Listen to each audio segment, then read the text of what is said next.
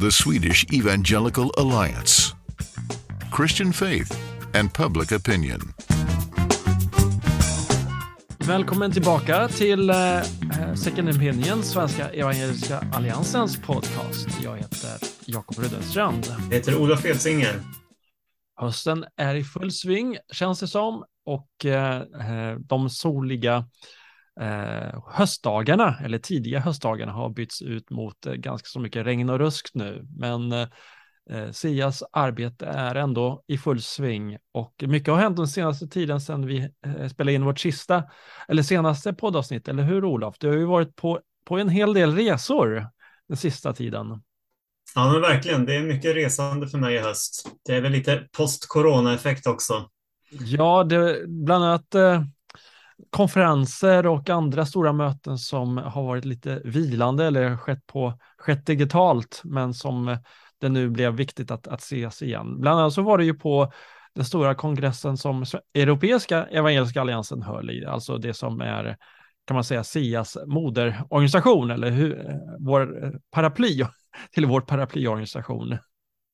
Ja, men precis. Jo då, vi har inte varit eh, på, på en riktig samling på, på flera år där, utan har setts på Zoom som sagt. Då. Men nu var vi nere i Sarajevo hos alla hörn. Eh, och det var, det var väldigt fint. Det var ett fint program på, på många sätt tycker jag och många goda möten. Mm.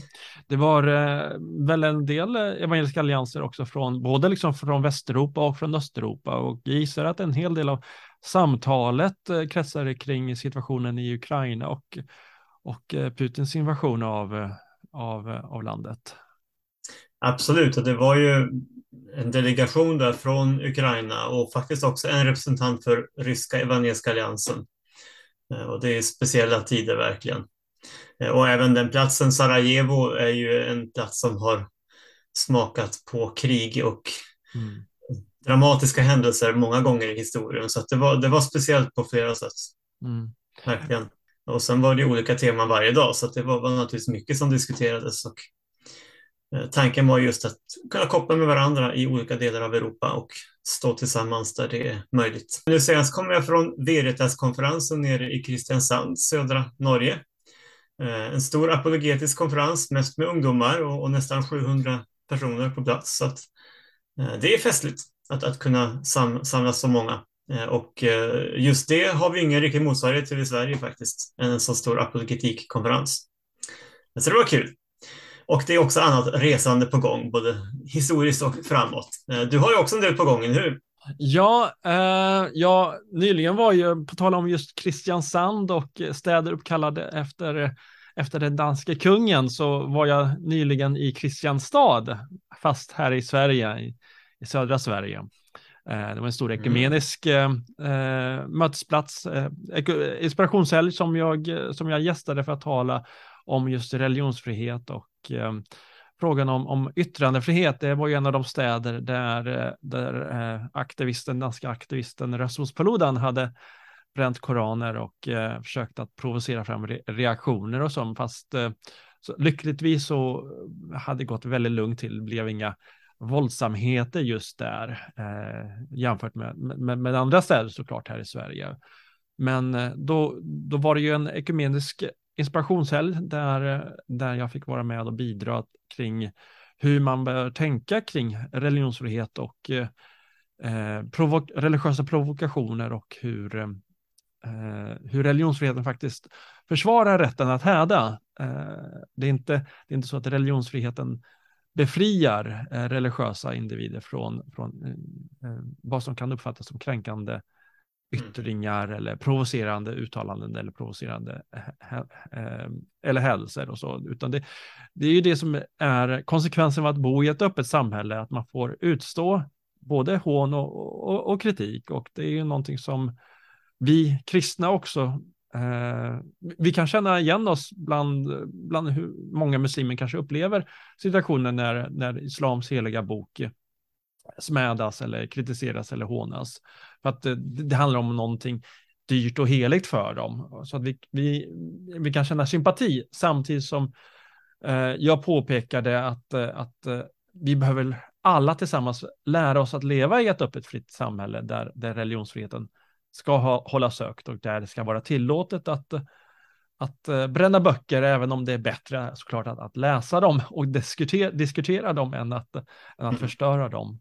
Vi går raskt över till dagens ämne. Eh, I åtta år har eh, Antje Jackelén varit ärkebiskop för Svenska kyrkan och eh, var på många sätt historisk eh, när hon tillträdde som, som första kvinna att, eh, att inneha ämbetet ärkebiskop i Svenska kyrkan. Och eh, på söndag, den här kommande söndagen, den 30 oktober, så kommer hon att lägga ner kräklan, eller herdestaven, och eh, eh, pensioneras. Och eh, som ser brukligt när det gäller just betydelsefulla personer eh, som har varit i ledarskap väldigt länge för såväl företag eller politiska partier eller även till och med statsministrar så, så är det ju brukligt att man gör en form av utvärdering av den här personens gärning och eh, betydelse. Och eh, här har mm. ju Antje Jackelén betytt väldigt, väldigt mycket för, Eh, för bilden av, av kristen tro och eh,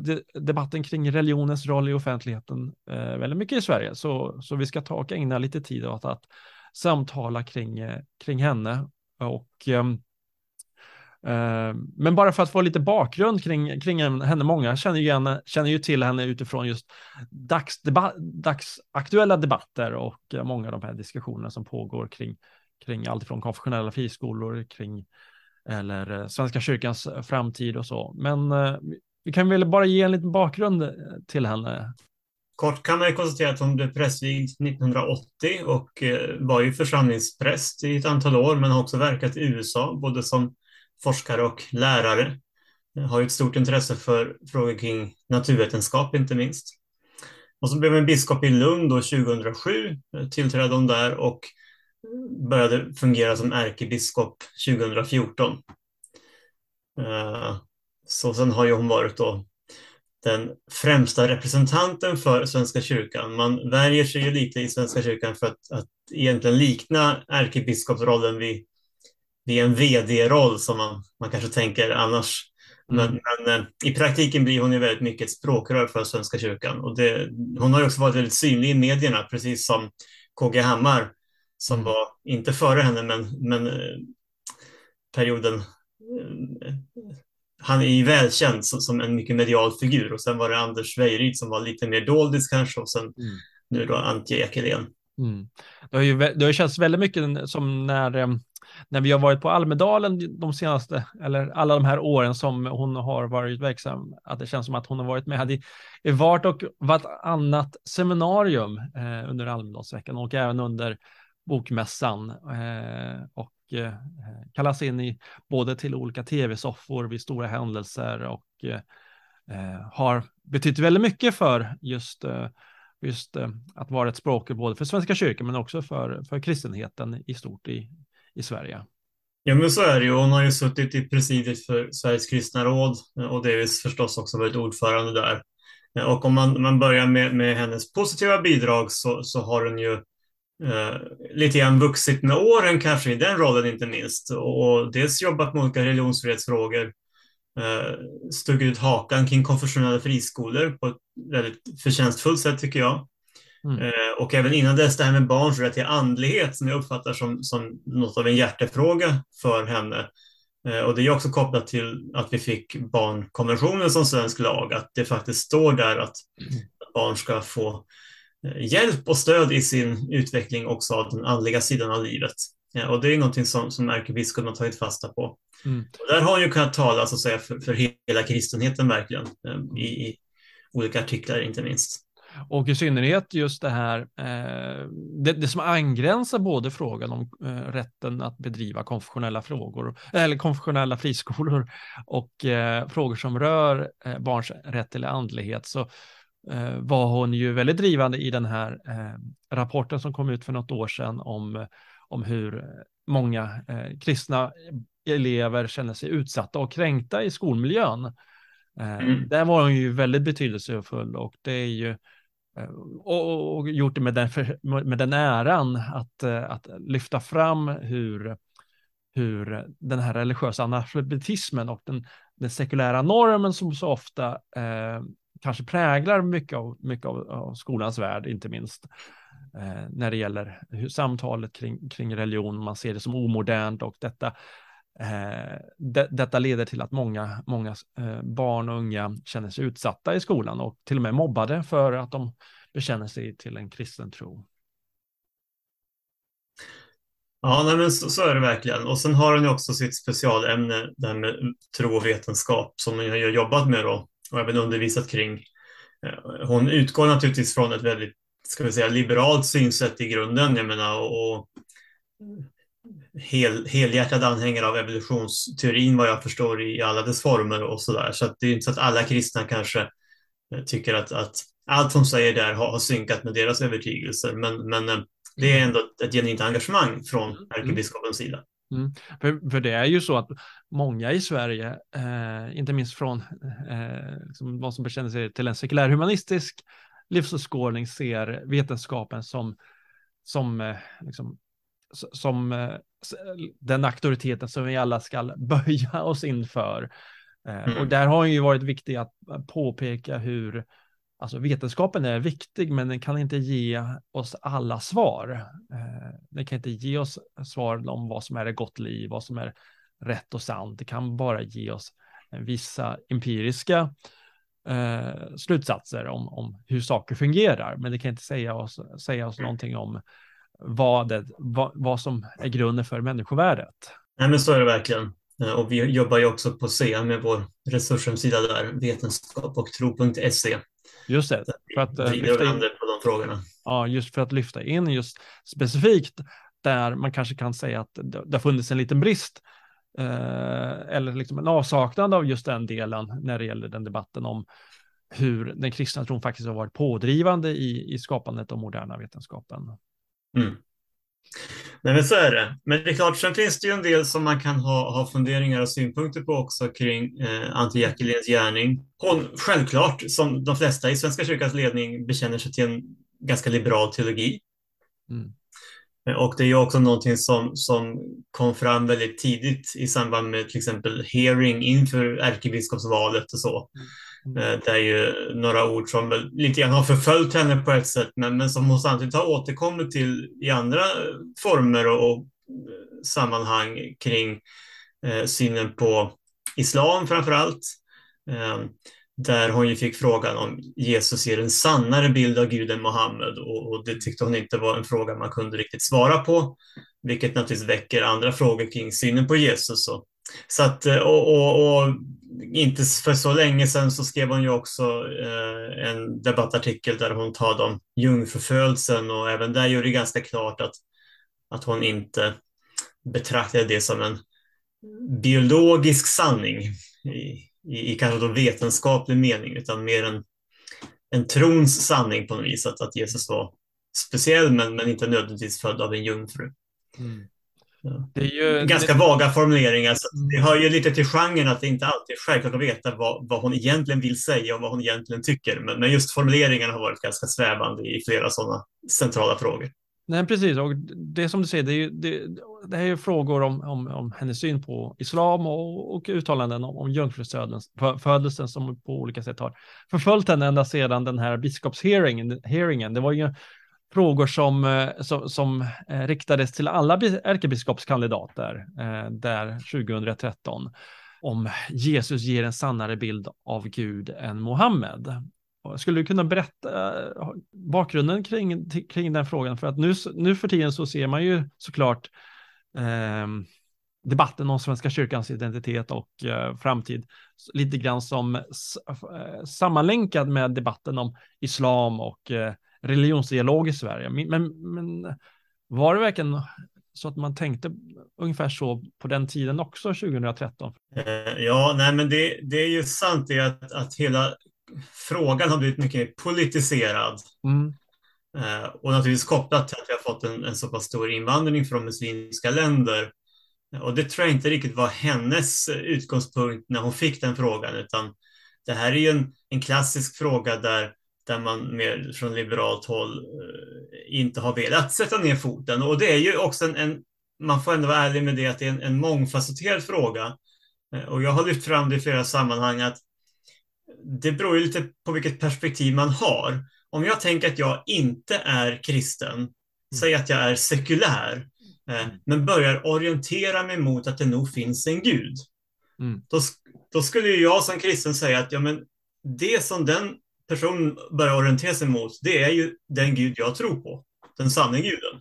Mm. Och i den meningen så kan jag ju tänka att, att islam naturligtvis bejakar tron på, på en skapargud och, och sträcker sig mot Gud också i någon slags likhet med hur jag som kristen sträcker mig mot Gud. Sen mm. tror jag att vi kan bara komma in i en sann och levande gemenskap med den guden genom Jesus Kristus. Mm. Och därför blir Jesus helt avgörande här. Och därför blir det för mig väldigt lätt att svara på frågan om Jesus ger en sannare bild av Gud än, än, än Mohammed. Det, det, är helt självklart att han gör det. Mm. Uh, men, men som sagt, vill man komplicera det och göra det lite mer filosofiskt så är det naturligtvis så att man, man kan, kan tänka sig att alla monoteistiska religioner så att säga, sträcker sig mot samma verklighet. För så tänker vi faktiskt om, om, om vi uttrycker det så, sekulära eller hedningar som, som börjar fundera på om det trots allt finns en gud. Då talar vi om det som den kristna guden. Mm. Eh, så att det finns olika lager i den frågan, men, men det blev knepigt just när, när, frågan var formulerad som den var och inte heller den kunde få ett svar. Mm. Eh, och det är klart att det fick ju lite grann vatten på kvar när, när Antje då valde som, som eh, sitt ledord eh, att Gud är större. Ja, just det, just det. Många, har ju läst, många har ju läst in det eh, som inte bevandrade med Bibeln såklart, som att det är ett eh, liksom, parafras på muslimska utropet Allah akbar, eh, Gud är större. Men, men det är ju snarare alltså att det är ett bibelcitat. Ja, det kommer från första Johannesbrevet. Dock skulle jag säga att i, i den kontexten så, så, så, går det inte riktigt att klippa ur de tre orden Gud är större, för, för det ger inte rättvisa överhuvudtaget åt det Johannes skriver. Han har ett längre resonemang, så att det är så att säga oanvändbart som, som representant för, för hans text. Mm. Och det gör att det blir ännu mer eh, naturligt att fundera på om det inte finns en parallell här. Men det har ju aldrig, vad jag har hört, Antje utlägga som en, medveten önskan att det skulle återspegla eh, någon slags interreligiös strävan.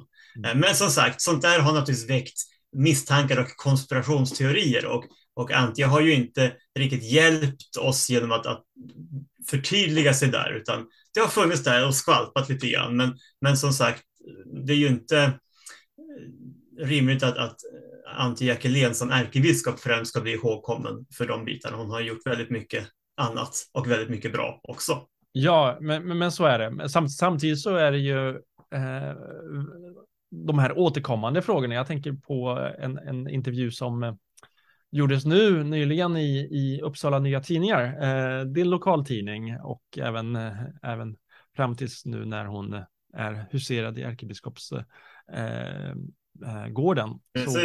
Så, så, så, så, ställer de ju den frågan, eller återkommer kring, kring frågan om eh, vem ger sannare bild av, av Gud, är det Mohammed eller Jesus?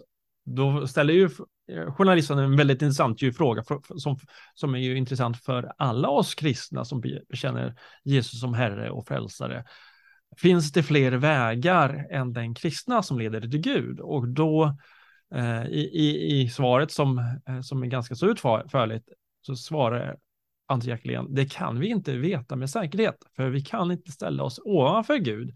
Vi tillber Gud som himlens och jordens skapare, som ursprunget till allt. Men det gör ju andra religiösa traditioner också. Rimligtvis finns det inte flera konkurrerande smågudar, utan en gud som är större än alla våra bilder och tankar om det gudomliga. Så i den bemärkelsen finns det lika många vägar till Gud som det finns människor. Varpå journalisten frågar igen, men kan man inte säga att de andra religionerna har fel? Och då svarar Jacqueline, vi är inte fullkom fullkomliga. Vi har alla fel någonstans. Jag som kristen måste inte sätta mig till doms över andra. Det har Gud befriat mig ifrån. Jag älskar Gud som Bibeln och traditionen lär mig genom att älska min nästa som mig själv oavsett vad min nästa har för tro. Eh, man kan ju säga väldigt mycket om, om just de svaren och intervjun ja. i helhet, för intervjun är ju också li lite speciell. Eh, men, eh, men samtidigt så har den såklart helt rätt i att som kristna är vår främsta kallelse att älska Gud. Och eh, som Bibeln lär oss så, så ska vi ju också älska vår nästa som oss själva oavsett eh, vilken religiös övertygelse, vilken tro vår nästa har. Eh, men det är, ju eh, det är en helt annan fråga än frågan om huruvida vår nästas övertygelse och vår nästas tro är sann eller inte. Och det är ju någonting såklart som vi har eh, full rätt att utvärdera och granska och, och eh, bedöma eh, vår nästas tro, om vår nästa eh, tror helt falskt eller tror helt fel. Och det kan man ju notera att i andra sammanhang så är ju ärkebiskopen väldigt pigg på att, att peka ut problem när det gäller eh, olika syner på människan, olika politiska vägval som människor gör och eh, även, även markera väldigt tydligt mot de pearna som hon som hon brukar eh, nämna, alltså populism, polarisering och eh, postsanning tror jag att det är. Eh, och i synnerhet just när det gäller just frågan om sanningen så är ju frågan om vem Jesus säger sig vara en, en kanske den mest grundläggande sanningsfrågan när det gäller just inte minst de abrahamitiska traditionerna eller religionerna, eh, judendom, kristendom och, och islam har ju på olika sätt eh, relaterar ju på olika sätt till Jesus från Nasaret och för, för, för judar så är han ju en, en, en, en bara en judisk rabbin, en människa. Eh, för, för muslimer så är han ju en, en profet, bara människa såklart, men ändå en, en profet som, som pekar mot, eh, mot eh, Allah.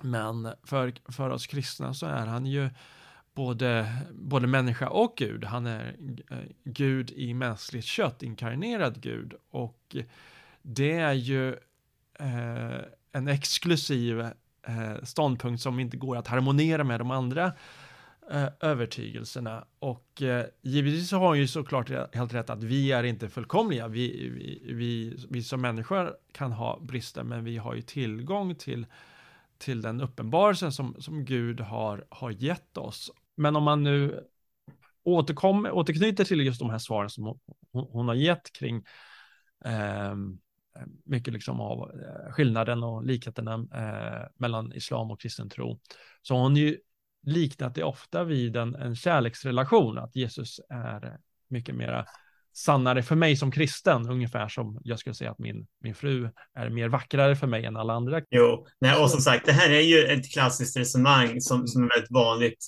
inom liberal teologin och eh, jag har mött det också i olika eh, sammanhang. Eh, men, men det är ju också ett ganska självmotsägande resonemang.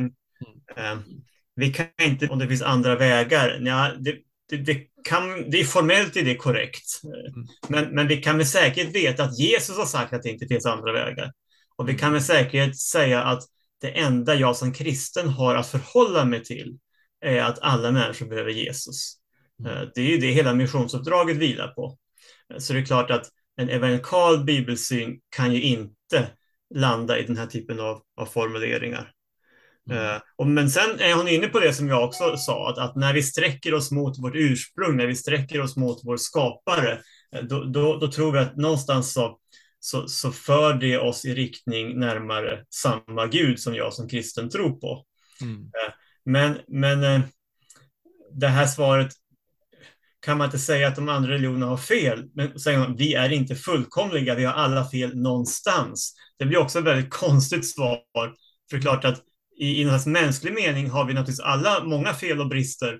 Eh, men, men i frälsningsfrågan kan man liksom inte, det är ett väldigt vårdslöst sätt att förhålla sig till, till en helt avgörande fråga. Mm. Kommer jag till Gud genom Jesus mm. eh, eller inte? För det, det, är ju inte möjligt att komma till Gud både genom Jesus och Mohammed och Buddha. För de har helt olika... Så det är ju lite märkligt att, att när man har en sån hög intellektuell nivå i så många andra frågor. Eh, att här blir det faktiskt filosofiskt väldigt otillfredsställande. Men det är ju som sagt, det är ju här vi står på olika sidor då så att säga ja. i de här utgångspunkterna.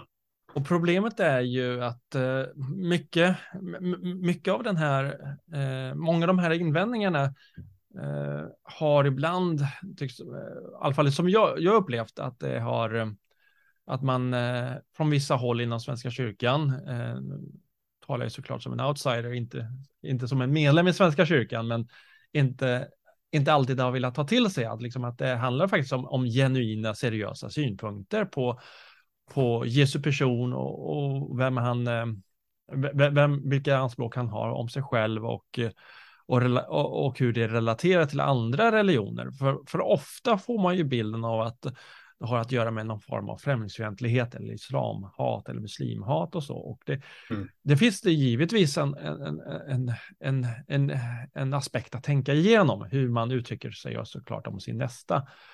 Eh, men den definitivt stora... bland eh, ärkebiskopens kritiker har det ja, ja, definitivt bland ärkebiskopens kritiker att det bland där fanns, finns ju en hel del eh, främlingsfientliga och, och eh, en hel, hon har fått utstå en hel del hot och, och hat. Eh, samtidigt så förtar det ju inte den, den seriösa kritiken och invändningarna som faktiskt förekommer och just frågan om, om krist, kristendomens eh, liksom, exklusiva anspråk det finns ju spegelbilder till det. Alltså, islam har ju egna exklusiva anspråk.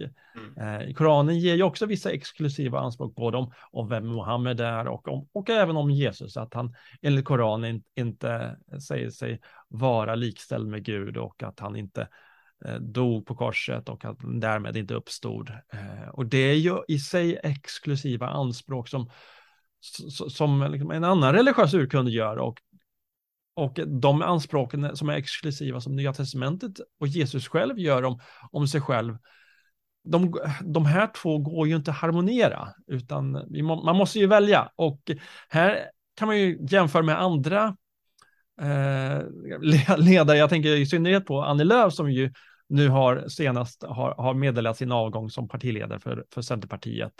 Där har hon ju varit väldigt eh, snarare kritiserad för att hon inte velat kompromissa med, sin, med sina ställningstaganden och sin värdegrund och, eh, sina, sin, och eh, om sin principfasthet att inte samarbeta och samverka med, med Sverigedemokraterna. Jo, men jag tror att det också handlar lite grann om, om, om en världsbild. Alltså jag tror att Antje Jackelén kommer från en intellektuell tradition som har varit genuint liberal-teologisk, också ganska filosofisk. Um, och där man, man nog har haft riktigt se poängen med med tydliga svar i den här typen av frågor. Hon, hon kallar ju det för eh, ett kryss två frågor lite föraktfullt i någon intervju.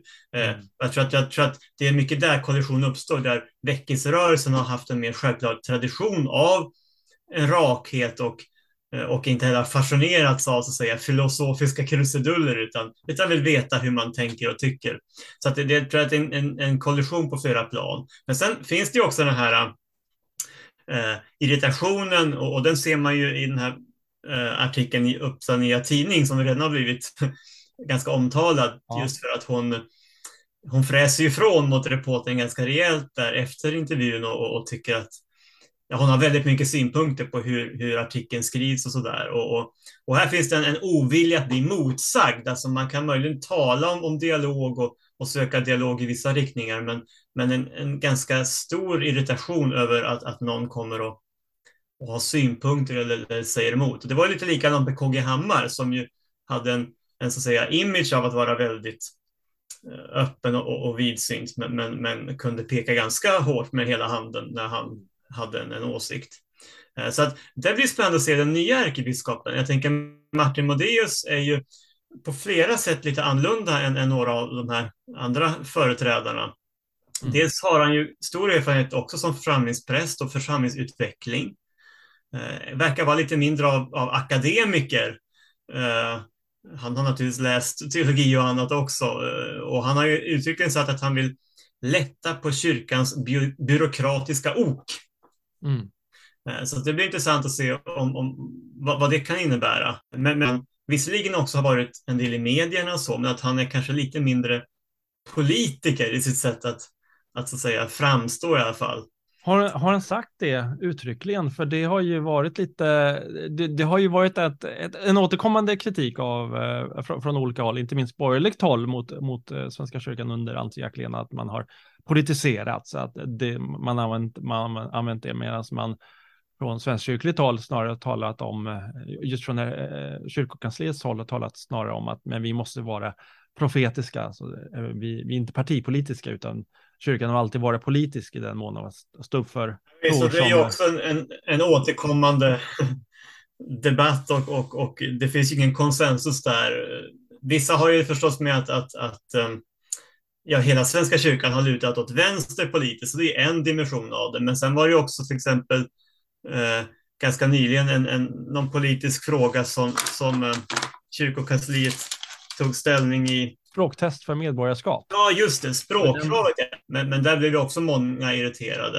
Eh, det är naturligtvis en svår balansgång. Mm. Eh, vilka frågor man ska uttala sig och inte. Och, och, och, jag tänker de frågor vi nämnde här i början, där Antje har gjort en väldigt god insats. Det tycker jag väl personligen också är en typ av frågor som, mm. som bör ligga högt på dagordningen. Och det är ju ingen slump att vi på Evangeliska alliansen mm. också prioriterar inte minst religionsfrihetsfrågorna. Mm.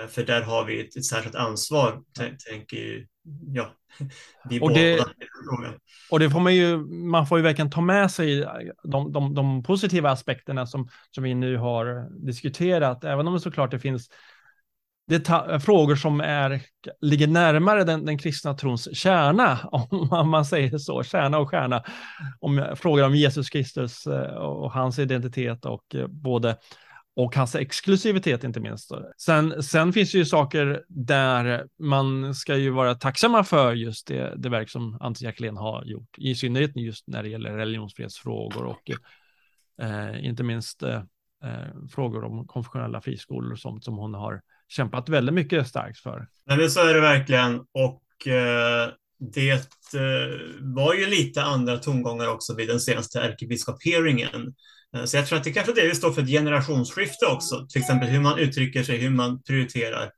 Eh, och jag, jag tycker det ska bli väldigt spännande att följa Martin Modéus. Jag tror att det kan bli, självklart blir det någonting nytt. Jag tror att det kan också vara en positiv förändring på, på vissa mm. centrala områden.